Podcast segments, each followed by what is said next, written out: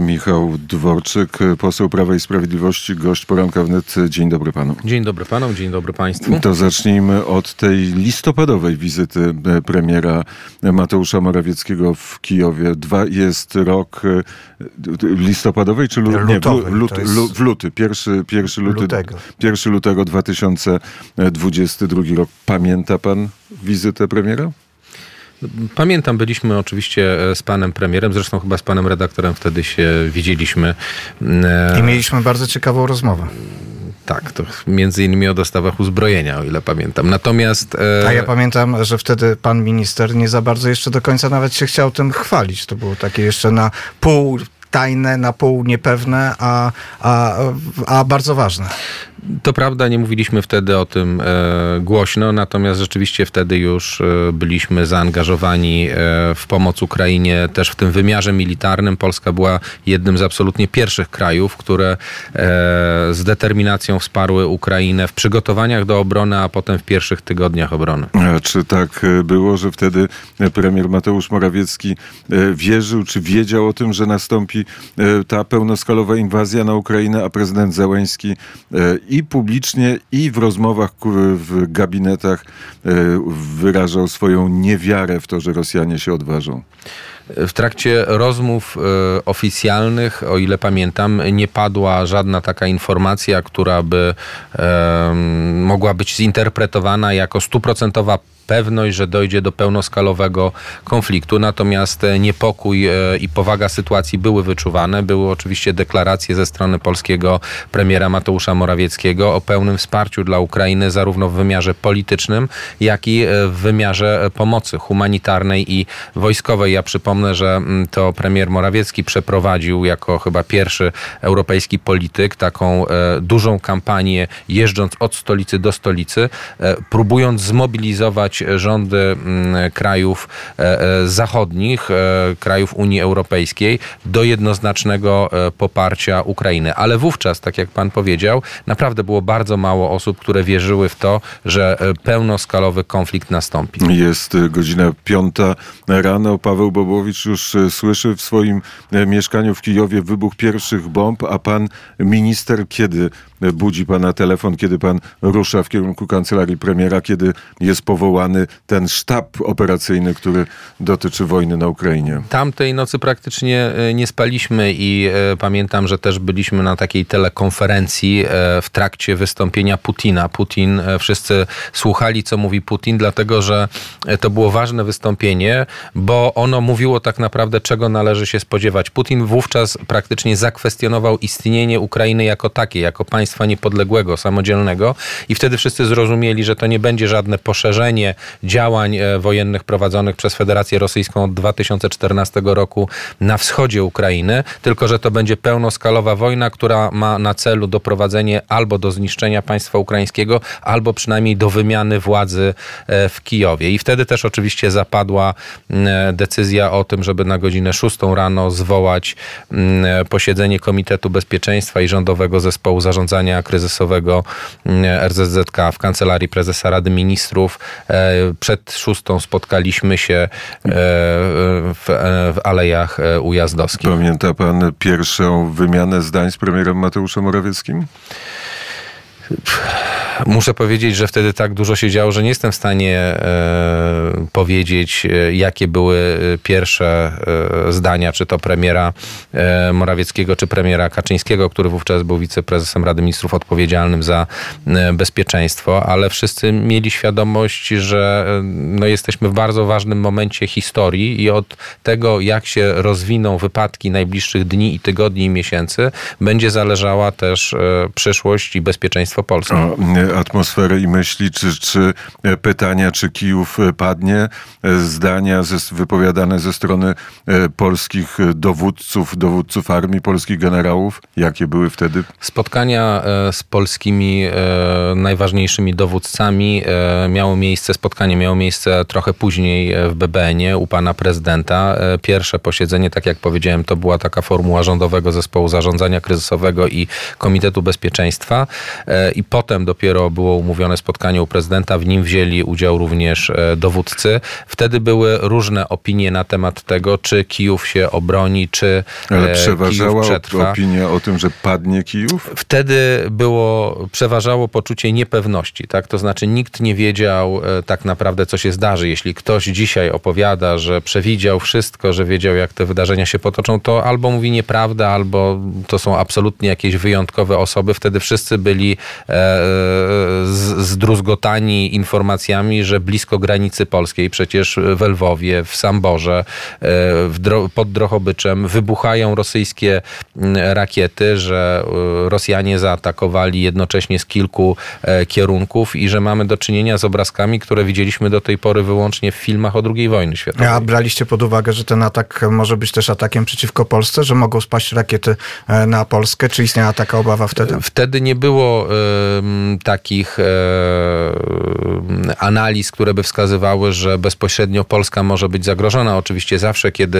wojna toczy się tuż za granicą, jest niebezpieczeństwo, że przypadkowe rakiety czy przypadkowe e, działania e, militarne jakieś dotkną również teren e, kraju sąsiadującego, czyli Polski, więc o tym była rozmowa, ale nie było takiego zagrożenia, e, żeby, e, żeby właśnie myśleć o e, obronie kraju. Zresztą wcześniej, kiedy już Rosjanie przygotowywali się do ataku na Ukrainę i w okolice Brześcia przesunięte zostały grupy bojowe wojsk rosyjskich, e, no pewne decyzje zostały podjęte, które były związane z dyslokacją e, naszych pododdziałów. To zresztą stworzyło pewien dylemat Rosjanom, którzy musieli przesunąć dodatkowe oddziały na tamtym kierunku.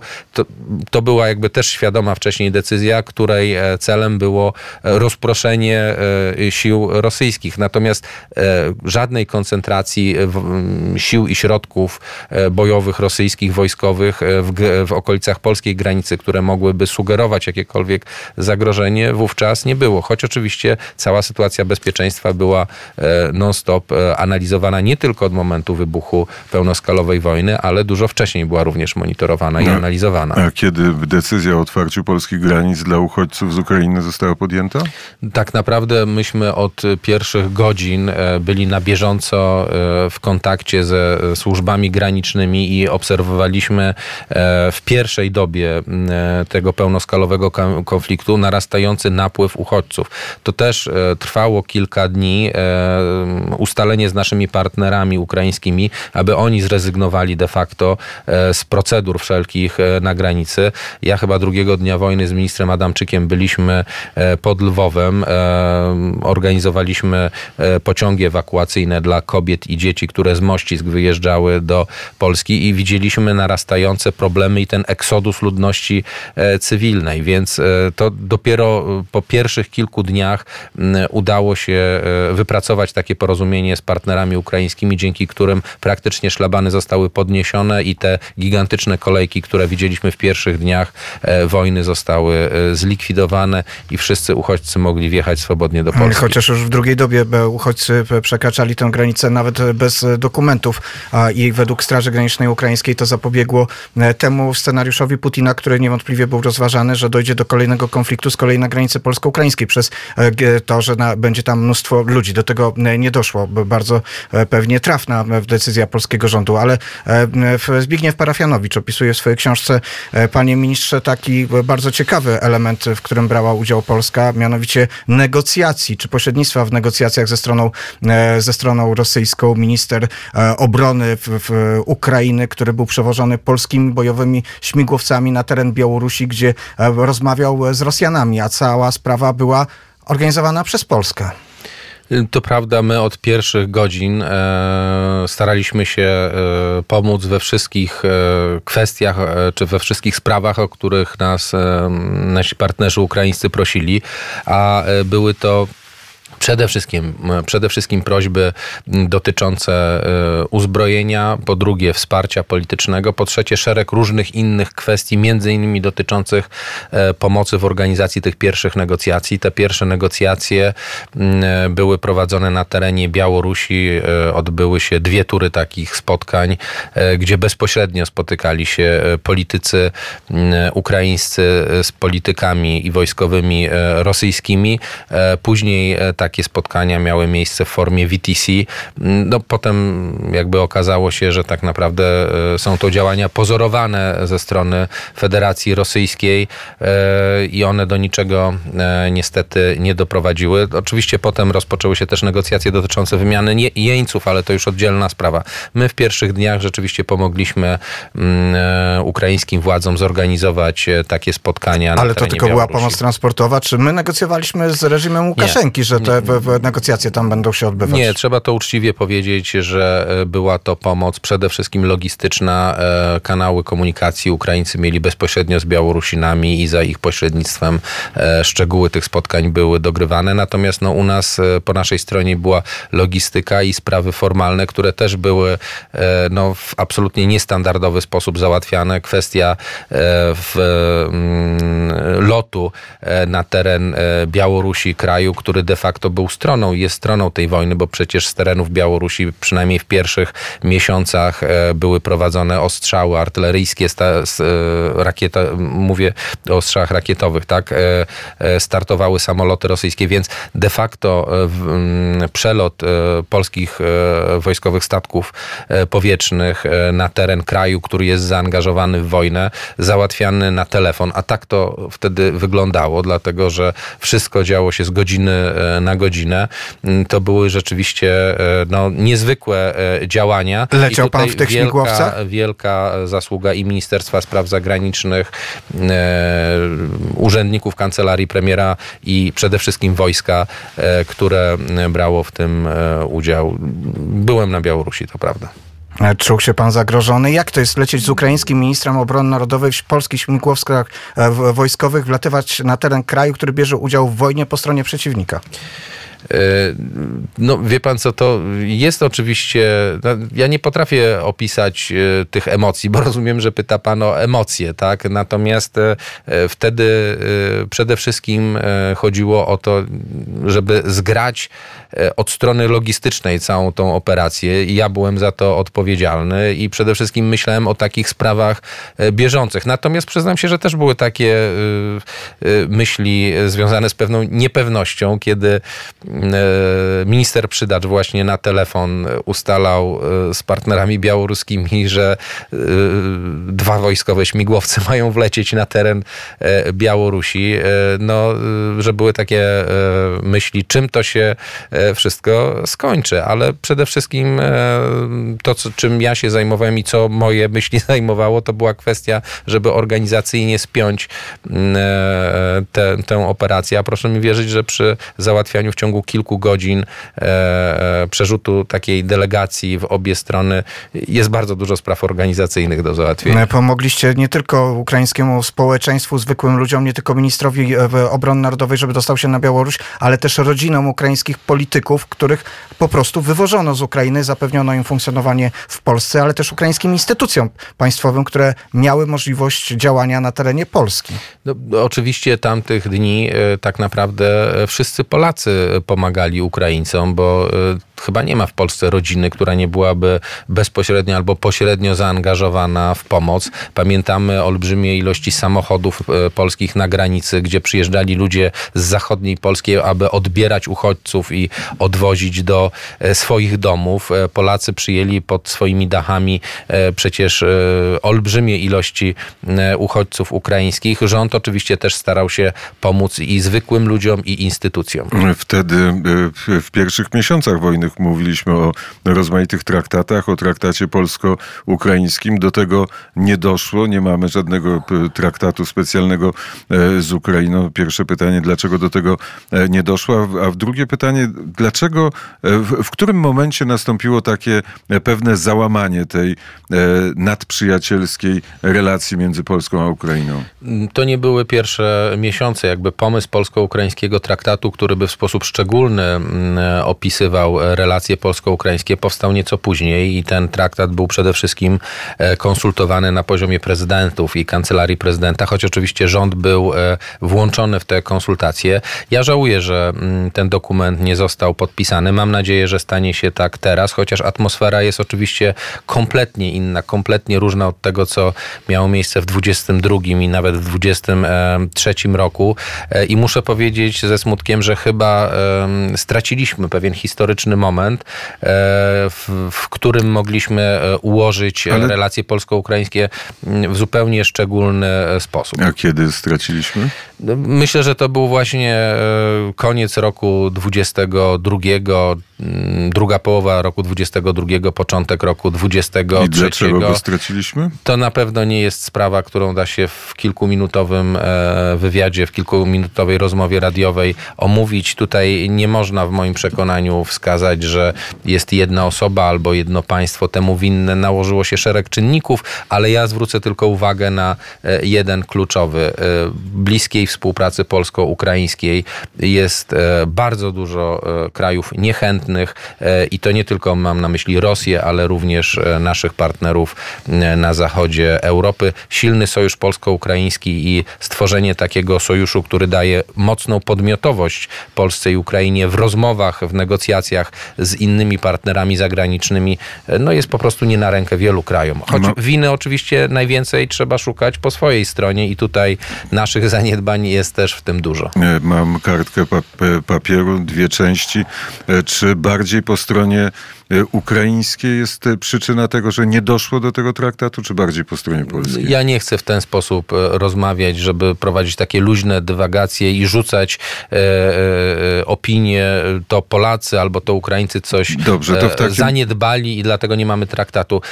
Ten moment, tak jak powiedziałem, uważam najlepszy moment w naszych relacjach. Uważam, że nie w pełni został wykorzystany, ale wierzę, że kiedyś wrócimy do tego tematu. E, Teraz mamy blokadę polsko-ukraińskiej granicy, p- protest rolników.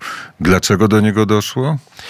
To jest e, znowu szereg przyczyn, nawarstwienie między innymi e, braku poważnego podejścia do tego tematu e, przez ostatnie miesiące, brak zainteresowania w rozwiązaniu tego problemu też na poziomie Unii Europejskiej, bo przypomnijmy sobie, dzisiaj to Unia Europejska ma narzędzia, żeby problem, e, Ale- realny problem polskich Ale rolników kto doprowadził do rozwiązać. tego, żeby dać Unii Europejskiej takie narzędzie? Ale o, o jakim No narzędzia do tego, żeby, żeby re, o, narzędzia dotyczące regulacji e, tego wszystkiego, co się dzieje w handlu między Polską a Ukrainą. To przypomnę, że to nie jest kwestia handlu między Polską a Ukrainą, a relacji między e, Unią Europejską a Ukrainą i te decyzje były podejmowane e, w tych bardzo gorących pierwszych miesiącach e, wojny, kiedy Ukrainie rzeczywiście jak tlen było powietrze e, po, potrzebne otworzenie granicy, natomiast później, i to był dobry krok, natomiast zabrakło kroku drugiego, w którym te sprawy zostałyby uregulowane wtedy- i różne grupy zawodowe, takie jak na przykład rolnicy czy przewoźnicy w krajach granicznych, bo to nie dotyczy tylko Polski, to dotyczy również innych krajów granicznych, nie otrzymali Ale, e, czy- osłony takiej, No która dobrze, ale czy to, była, na e, czy, to było, normalne czy to było brak wiedzy ze strony urzędników europejskich, ze strony Komisji Europejskiej, czy to była złośliwość? Pan mówił o, o tym, że nie tylko e, Rosji zależy na złych stosunkach polsko-ukraińsko-polskich i jeszcze niektórym naszym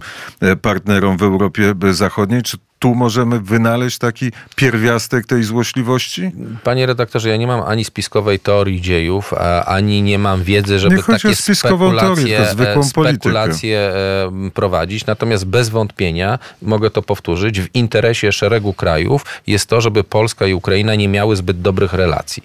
E, Ta e, sytuacja... To są interesy, to jest zwykły biznes też, bo o tym też mówimy, prawda? O wymianie handlowej, o e, e, dużych pieniądzach, które na e, takich relacjach są zarabiane. E, Dzisiaj e, nie jest pan szefem kancelarii premiera, dzisiaj premierem jest Donald Tusk. Jak pan sobie w ogóle wyobraża, jak powinien zostać rozwiązany ten problem? Ja nie chcę dawać recept obecnemu rządowi, rządowi, jak ten problem powinien być załatwiony. Trzymam kciuki zarówno za obecny rząd polski, jak i rząd ukraiński, żeby tą sytuację rozwiązać. Natomiast zdecydowanie nie jest to prosty problem do rozwiązania i nie będę powtarzał powtarzał tego, co mówili jeszcze kilkanaście tygodni temu politycy Koalicji Obywatelskiej, na przykład pan e, poseł Kowal, że to e, wystarczy pstryknąć i już e, kłopoty zostaną wszystkie załatwione. Nie, to, to nie jest prosty temat do rozwiązania, natomiast jedno jest pewne, trzeba rzeczywiście poważnie do tego tematu podejść i podjąć działania zarówno na poziomie bilateralnym, jak również na poziomie Unii Europejskiej. Bardzo bym chciał, żeby rząd polski e, poważnie ten temat Ale to, ale to jest jeszcze jedno pytanie. No przecież było wiadomo, że do takiej sytuacji dojdzie. To dlaczego w, w, w Kijowie i w Warszawie nie było myśli na temat tego, żeby rozwiązać ten problem, zanim stanie się takim problemem intensywnym jak teraz? A dzisiaj z perspektywy dwóch lat można mówić, że wiadomo było to, albo wiadomo było, bo oczywiste było to, albo tamto. Otóż zapewniam pana, że oczywiście nie wszystko było wiadomo i nie wszystko dało się przewidzieć. Pewne rzeczy dało się przewidzieć i ja nie mówię, że nie było zaniedbań, bo były zaniedbania różne. Natomiast e, no, nie mówmy też o tym, że z perspektywy czasu oceniamy sytuację. Przecież wszystko było jasne. Nie, nie było wszystko jasne. Po raz pierwszy po 1945 roku mamy do czynienia z pełnoskalową wojną przy granicach Polski. Wszyscy wiemy, że pan stoi za odblokowaniem tej granicy w 2022 roku i otworzeniem jej na Ukraińców, którzy uciekali. Dzisiaj jakby doszło do, nie daj Boże, do takiego ataku na Ukrainę, ta granica jest e, po prostu e, zamknięta. Czy metoda, którą przyjęli polscy rolnicy, blokowanie granicy i czy to, co zapowiedział Donald Tusk, czyli uznanie przejść granicznych za obiekty infrastruktury krytycznej i odcinków dróg w pobliżu granicy, to jest dobra decyzja? Ja uważam, że e, rozwiązania, jakiekolwiek rozwiązania siłowe nie rozwiążą problemu. Tutaj e, problem trzeba rozwiązać e, w drodze dialogu i czasami odważnych decyzji, ale też wykonywanych w sposób, wykonywanych w sposób roztropny i rozsądny. A jeśli mówi Pan o to, czy granica byłaby dzisiaj zamknięta, gdyby nastąpił nagle napływ uciekającej ludności cywilnej, nie wierzę w to. Absolutnie w to nie wierzę. Zupełnie czym innym jest e, zablokowanie dla części towarów e, granicy, bo przypomnijmy, że transporty wojskowe są przepuszczane bez przeszkód.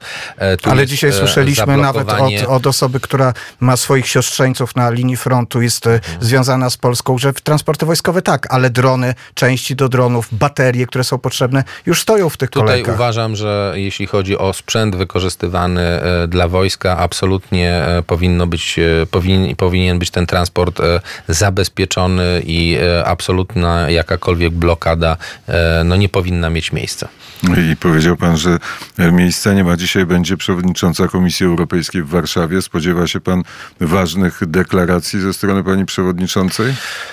Yy, przyznam się, że nie śledziłem zapowiedzi związanych z tą wizytą, poza kwestiami związanymi z odblokowaniem środków e, z KPO, środków europejskich, e, to nie wiem, jakie będą inne tematy. Jeśli chodzi z kolei o blokadę tych środków europejskich, no to mamy tylko dowody w ostatnich tygodniach, że to nie były decyzje merytoryczne, tylko polityczne. E, Unia Europejska, Komisja Europejska walczyła z poprzednim rządem, stąd pewne decyzje, które zapadały dotyczące między innymi blokady środków europejskich. To na zakończenie pytanie. Pamięta pan swoją pierwszą wojenną podróż z premierem Morawieckim do Kijowa? No, pamiętam e, szereg różnych e, działań, które w związku z wojną e, miały miejsce, ale przede wszystkim też pamiętam wyjazd premierów do Kijowa w, czasie, w tym czasie, kiedy Kijów był jeszcze oblężony, bo oczywiście z jednej strony, znaczy to najważniejsze, był pociąg, w którym jechali premierzy, ale z drugiej strony, i to będę zawsze powtarzał, fantastyczną robotę wykonali polscy operatorzy, polscy funkcjonariusze, którzy zabezpieczali tą wizytę i którzy organizowali to wszystko e, w kraju. Michał Dworczyk, szef kancelarii premiera Mateusza Morawieckiego, poseł e, Prawa i Sprawiedliwości, był gościem poranka wnet. Bardzo serdecznie dziękuję, dziękuję za panu, rozmowę. Dziękuję państwu.